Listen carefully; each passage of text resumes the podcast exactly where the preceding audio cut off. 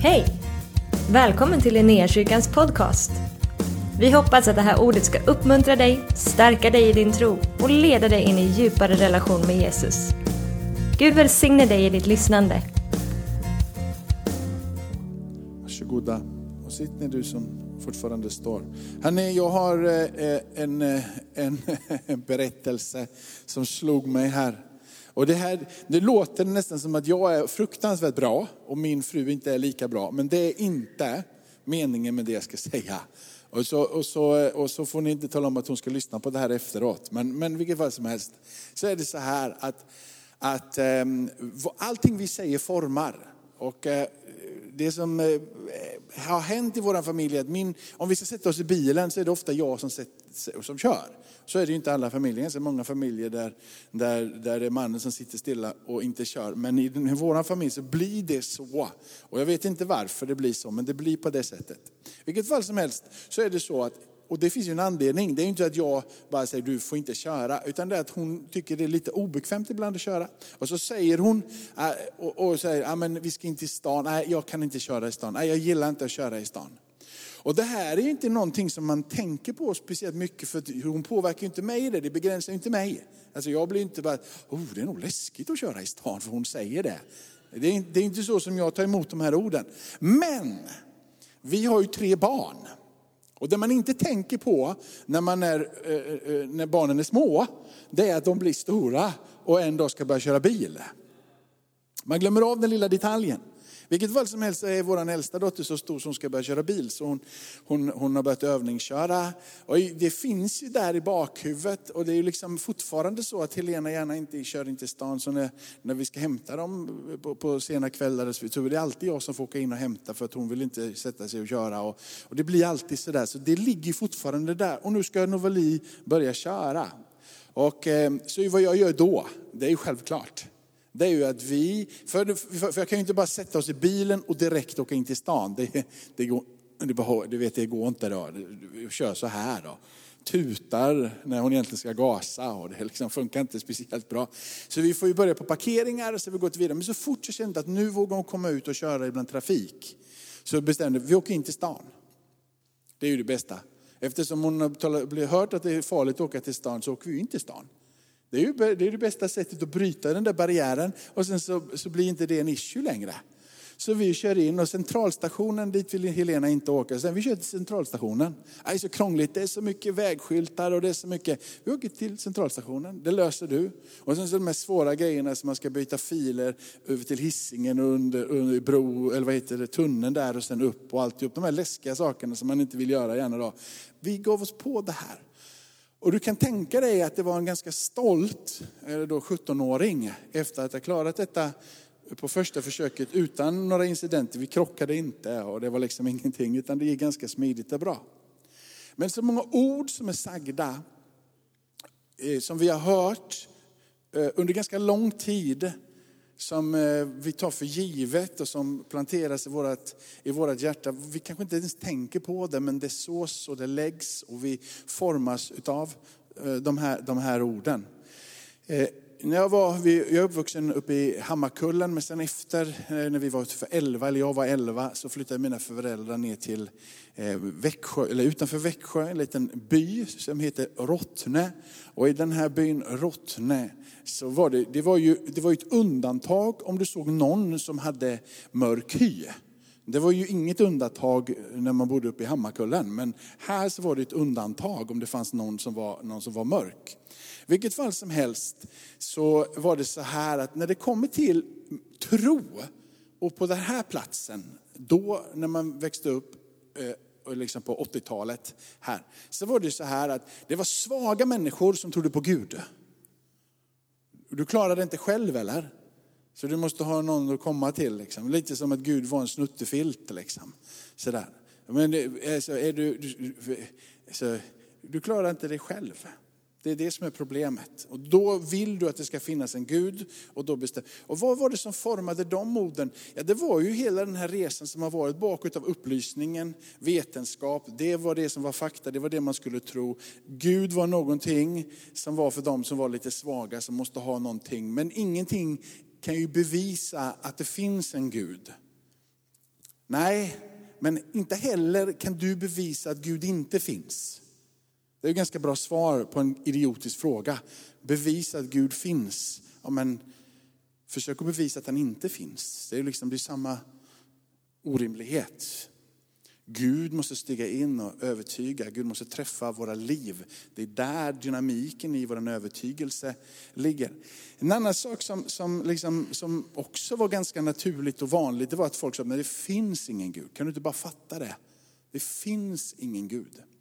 Idag så ser det ju väldigt mycket annorlunda ut.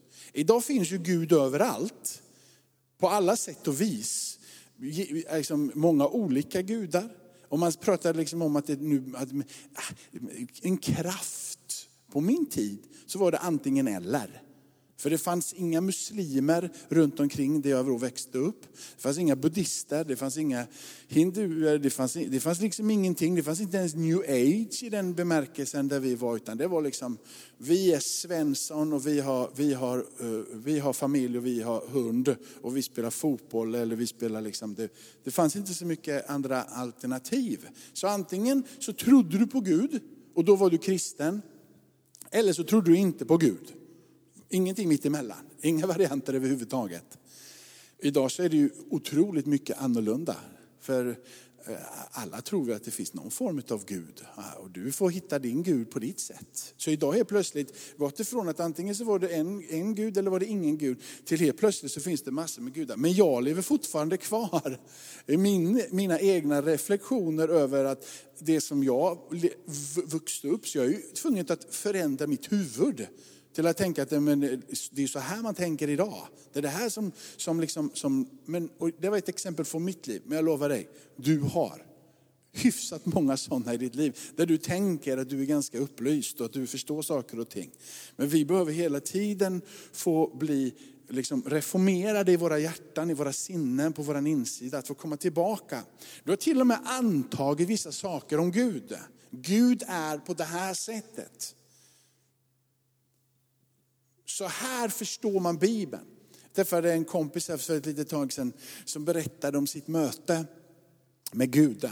Och vi satt ner och pratade och då, han, han har liksom sökt Gud lite men det har inte liksom trillat ner på lätten. Men så vid ett tillfälle så sitter han med några och sjunger lovsång. Och under tiden de sjunger lovsång så hör han tydligt en röst som säger Daniel. Han tror först, för det finns en annan som heter Daniel i, i lokalen, så han tror att den, den person, den, det, liksom, det, är, det är den andra han pratar med. Men det är det inte, utan det, det är honom han pratar med. Och den rösten kommer igen och han ger ett uttryck för att det är otroligt mycket kärlek och auktoritet bakom den där rösten. Och direkt så kopplar han, han förstår att den här rösten den är till mig, det är mitt namn.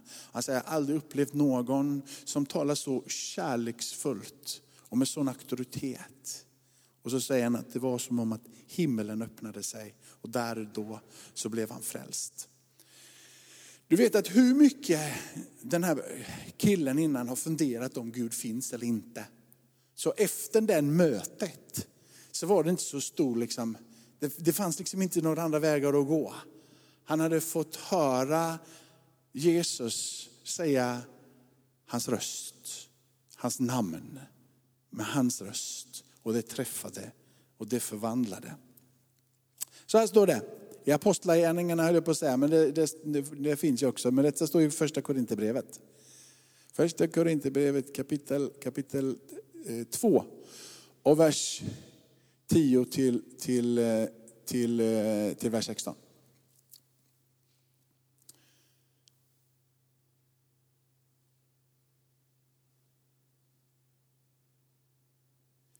Ni är vittnen. Ja, Gud själv är vittne till hur heligt och rätt och rent uppträder bland er tror ni vet också.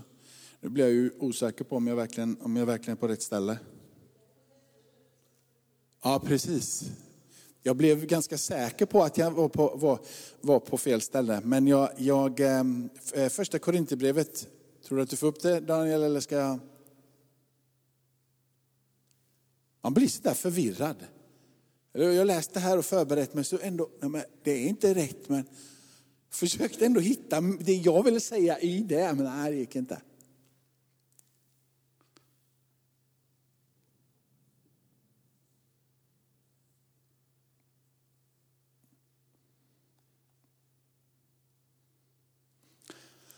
Då berättar jag finalen på min berättelse om Novali.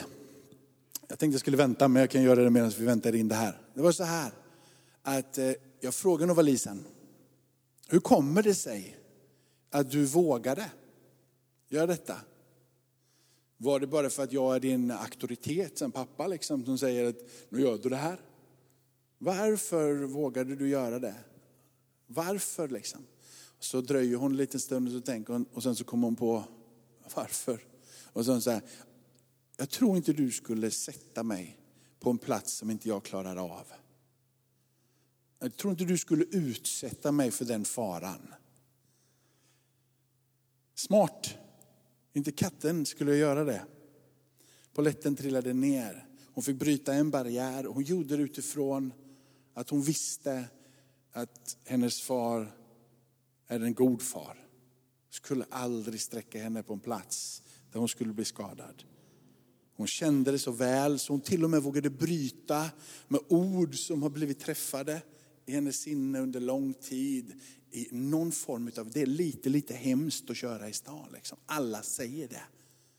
Men tryggheten av att hon aldrig skulle bli utsatt för fara, så vågade hon bryta. Och det är det som Gud vill att du ska få ha som ett eko, eko på din insida. Istället för de andra orden som har eko, eko, eko, eko, eko, eko, eko har stannat och tryckt och stoppat dig. Gud, så här står det, första Korinthierbrevet kapitel 2, vers 10 till vers 16. Gud har uppenbarat det för oss genom sin ande. Anden utforskar allt, även djupen, även djupen i Gud. Vem vet vad som finns i människan utan människans egen ande? Så vet heller ingen vad som finns i Gud utan Guds ande.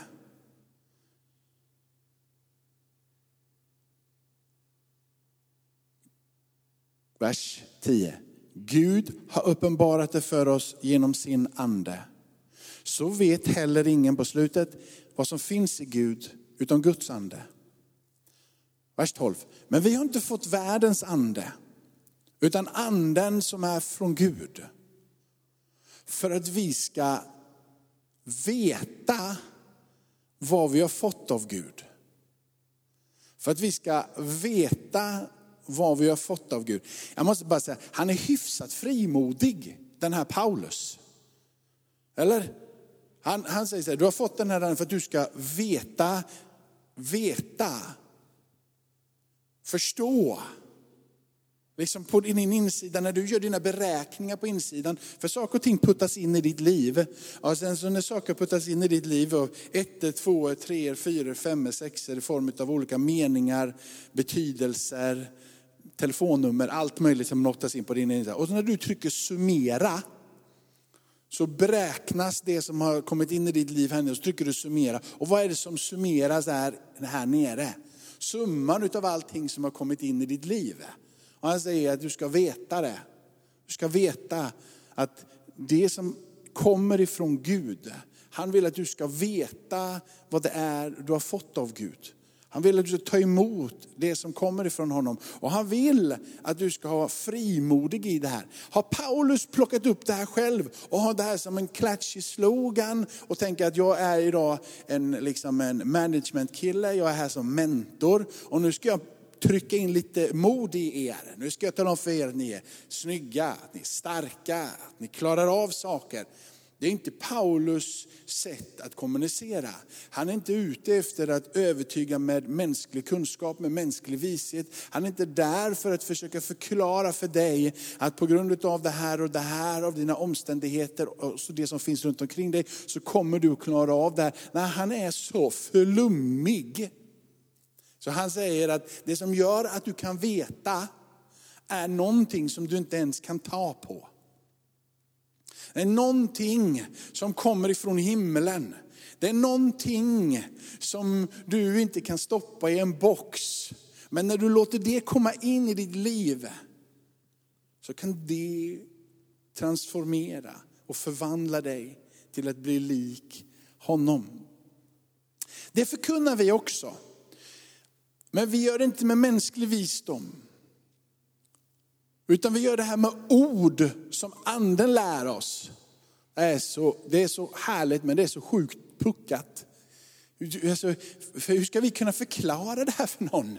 När det är, när det är det går ju inte. Eller? Alltså, ord som visdom och ord, kunskap, det är ju, liksom, kan ju förklaras om det bara är hyfsat liksom, någon form av intelligens. Men här säger han, det är bortanför den där intelligensen du försöker fånga.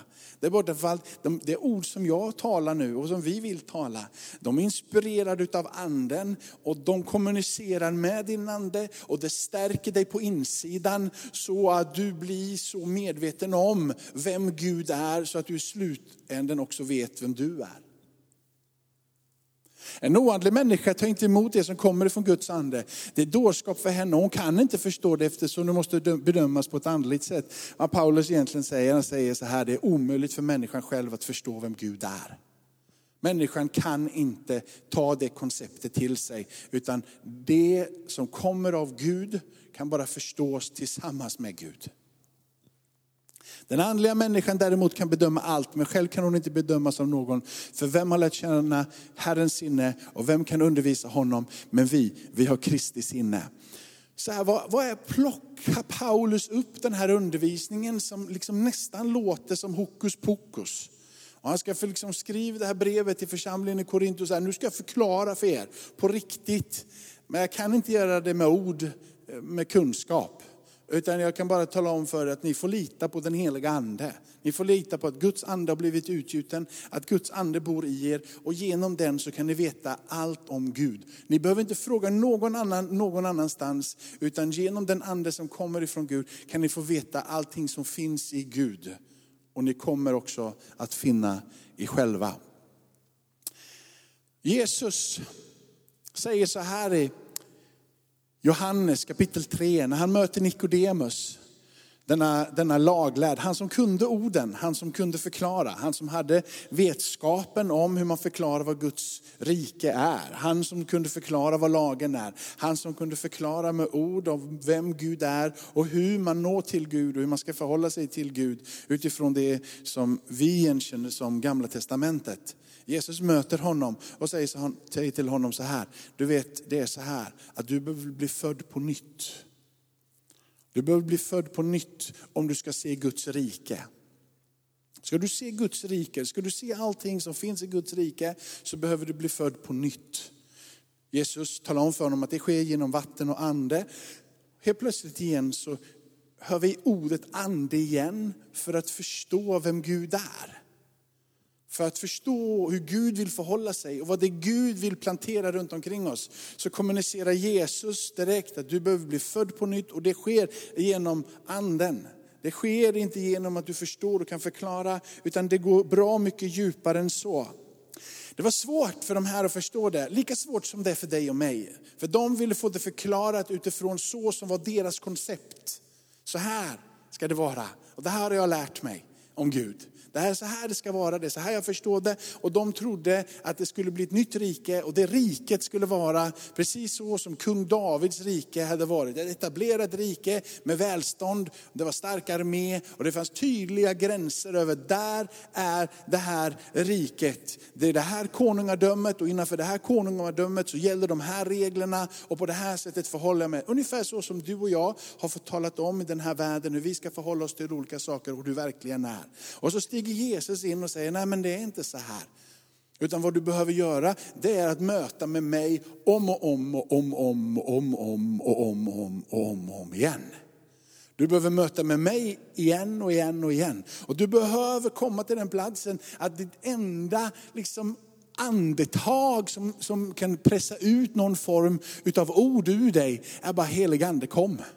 Jag är i desperat behov av dig heligande. För vill jag förstå vem Gud är så har jag fångat en sak utifrån det Jesus säger. Och det är att jag behöver bara mer av dig Gud. Du får äntra in i mitt liv och du får låta saker och ting falla på plats. Nikodemus hade svårt att greppa det här, för han ville ha ett fysiskt rike. Men det rike som kommer med Gud, det är en andens närvaro som ger oss möjlighet att tro och ta emot evangelium finns ingen gräns för det. Det är en atmosfär som blir runt omkring oss. Det är ett rike som är fullt ut bara sådär flummigt igen, rent av andligt.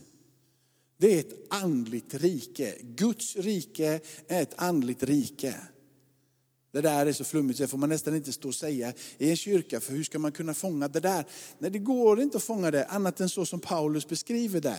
Att vi kan förstå det utav att det kommer över oss och förklarar på våran insida, ända rakt in i himlen, det där själets ankare som bara sträcker sig rakt in på den platsen där Gud är. Och vi känner att vi sitter ihop med honom. Ungefär som att du är ute på med en båt och sen så ska du kasta i ankare för att få någon form av liksom stabilitet för att kunna ställa dig och fiska eller om du ska ligga över natten eller bara ankra för en stund. Du har ingen aning om vad det där ankaret sitter i.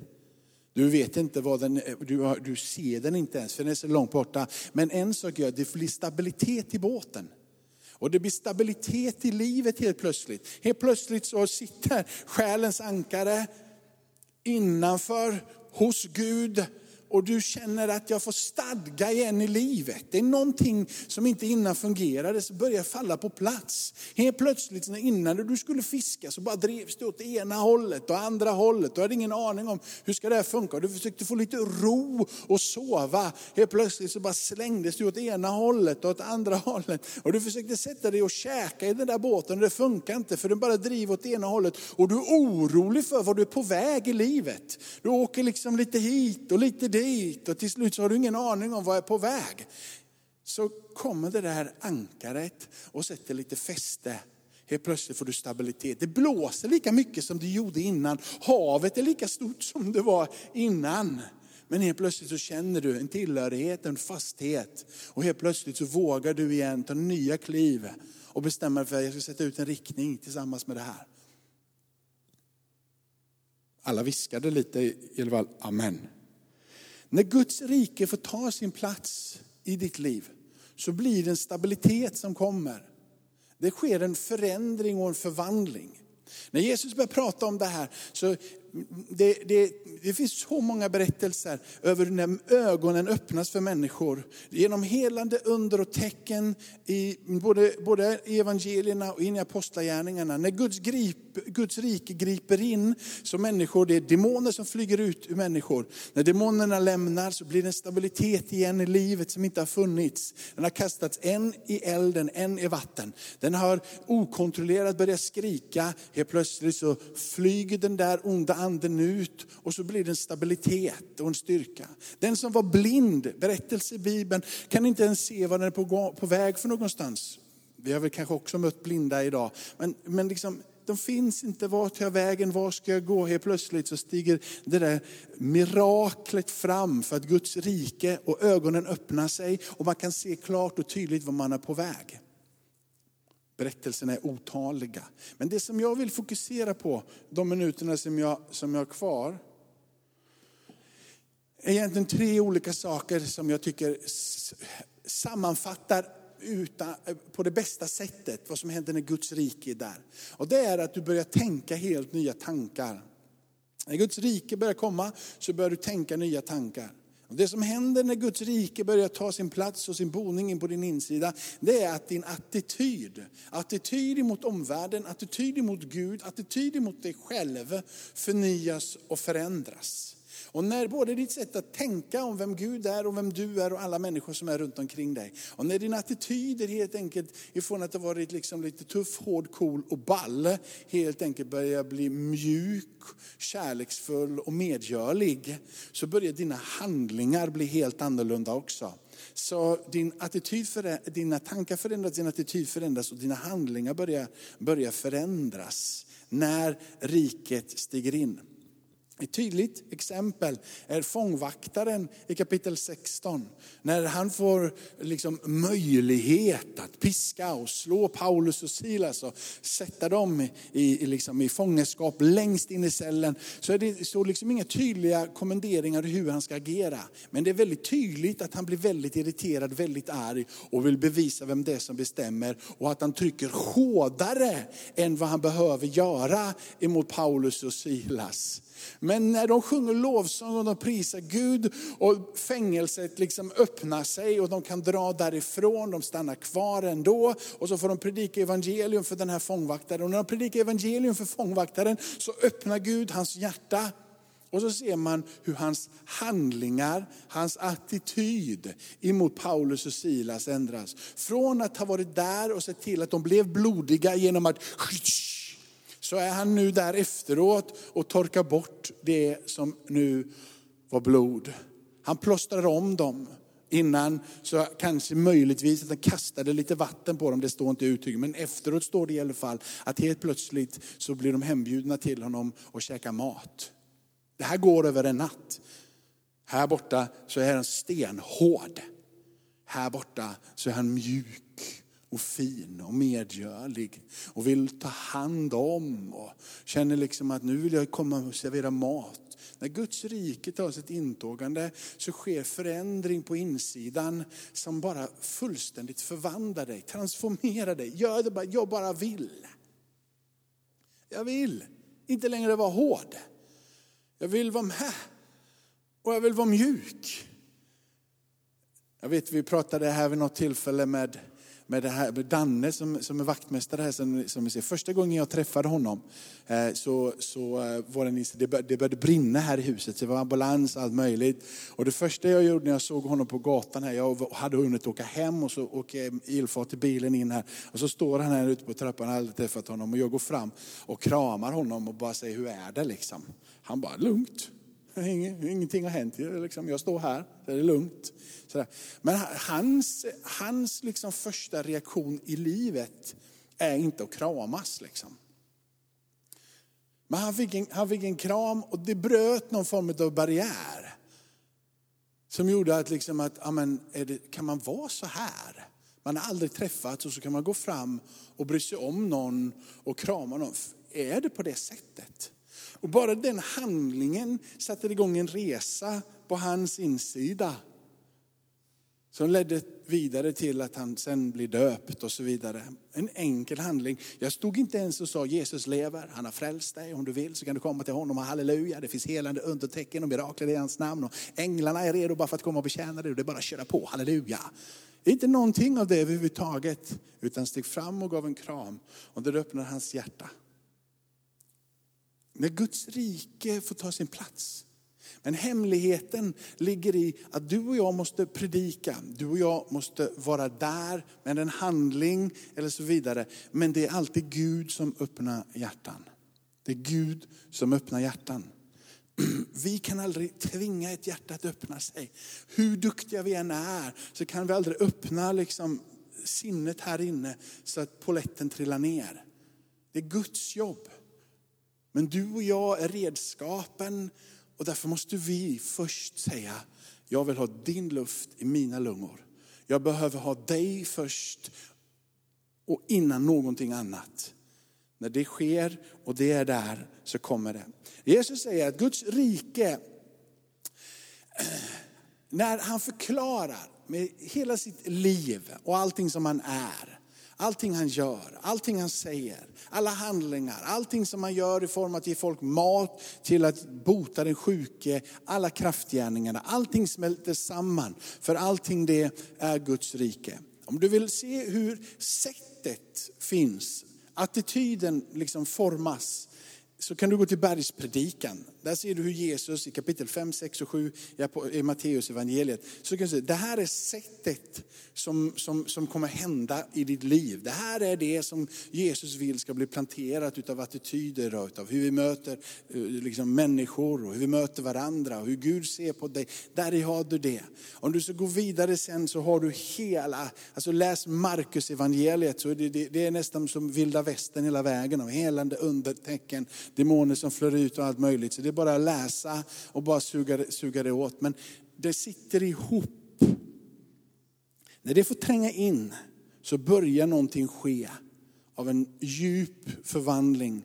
Och det kan inte förklaras någonting annat än på det sättet som Paulus försöker förklara det här som vi har läst i första Korinthierbrevet. Du har fått tag emot någonting från Gud och du vet nu saker om Gud som du inte innan kunde förstå och du känner att du är förankrad med Gud och du känner att jag vet vad jag är på väg i livet. När de sakerna infinner sig och du börjar hitta och förstå vem du är och vad du är på väg, så börjar det som står om hur Jesus levde hända i ditt liv. Om, har du mött med honom på riktigt, så blir du inte en, en, en härmapa till Jesus. Och så blir du en härmapa och du känner att oket är så tungt så att jag vet inte ens om jag orkar vara kristen. Då har du inte mött honom så som han vill att du ska möta med honom. Han vill nämligen att du ska få möta med honom på ett sätt där orden som kommer från hans egen mun när han säger att mitt ok är inte tungt att bära. Att möta med mig gör dig inte till en liksom krampaktig kristen som inte har någon energi kvar för att det är så jobbigt att vara kristen, jag vet inte hur jag ska klara av att vara kristen. När du möter med honom så möts du av överväldigande kärlek. Med en eh, sån varmhet och med sån auktoritet så ditt hjärta mjuknar så att det kan formas. Om du blir ett med de handlingar som Jesus manar och kallar dig att göra. Det liksom synkroniseras med ditt liv. Det matchar med ditt liv. Amen. Så här står det, jag läser, jag läser från Apostlagärningarna 2 och från vers 24 och till, från vers 22 till vers 24 från Apostlagärningarna 2, vers 37 till vers 39 och så försöker jag gå in för en, en liten landning tror jag. Jesus från Nasaret var en man. Det är, Paulus, eller det är Petrus som predikar på, på, på pingstdagen. Och han ger ett uttryck, Jesus från Nasaret, han var en man som Gud bekände sig till inför er genom kraftgärningar, under och tecken. Som Gud genom honom utförde mitt ibland er, så som ni själva vet. Efter Guds fastställda plan och beslut blev han utlämnad. Och med hjälp av det som är utan lagen så spikade ni fast honom på korset och dödade honom. Men honom har Gud uppväckt och löst ur dödens vånda eftersom det inte var möjligt att han skulle behållas av döden.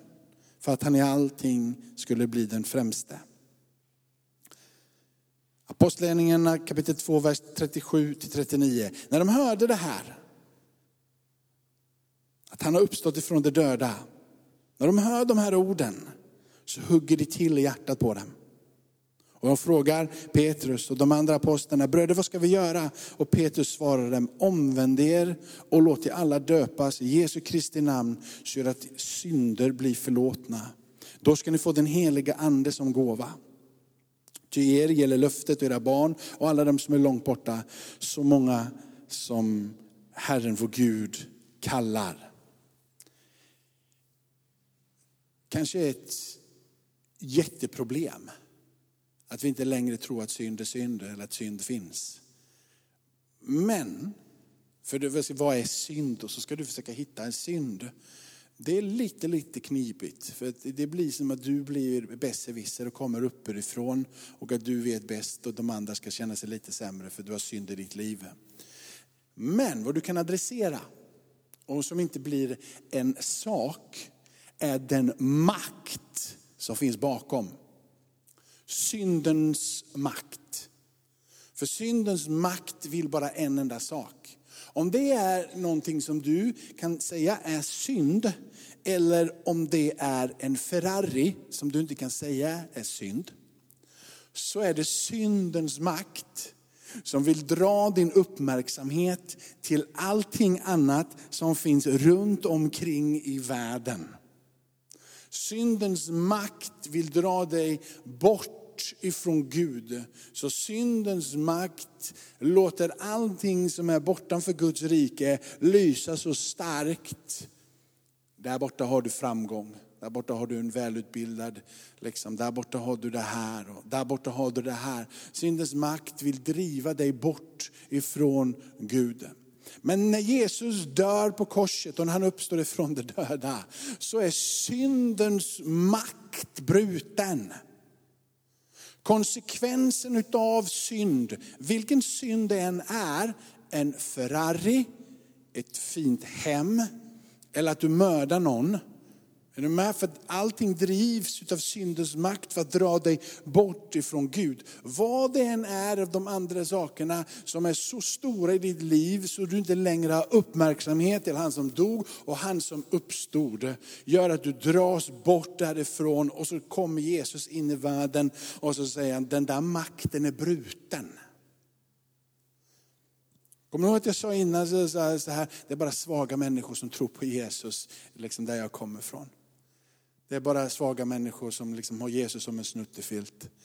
Sanningen är den att innan du erkänner att det är syndens makt som är problemet i ditt liv, så kommer du fortfarande att säga, jag klarar mig själv.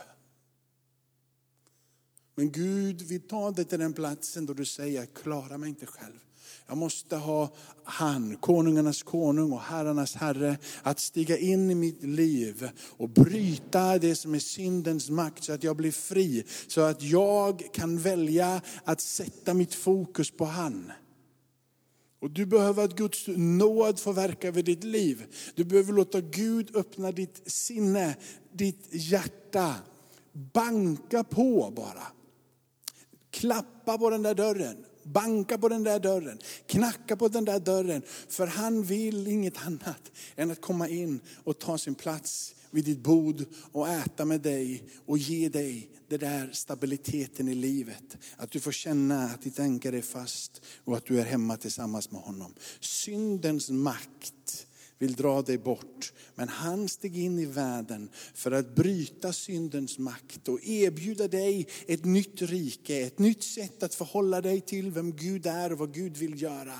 Han vill få blåsa sin luft i dina lungor. Han vill att den atmosfär som vi kan skapa tillsammans med honom ska blomstra där vi är. Genom kärleksfulla handlingar, genom helande, genom under, genom tecken och genom att hjärtan öppnas så människor kan bli frälsta.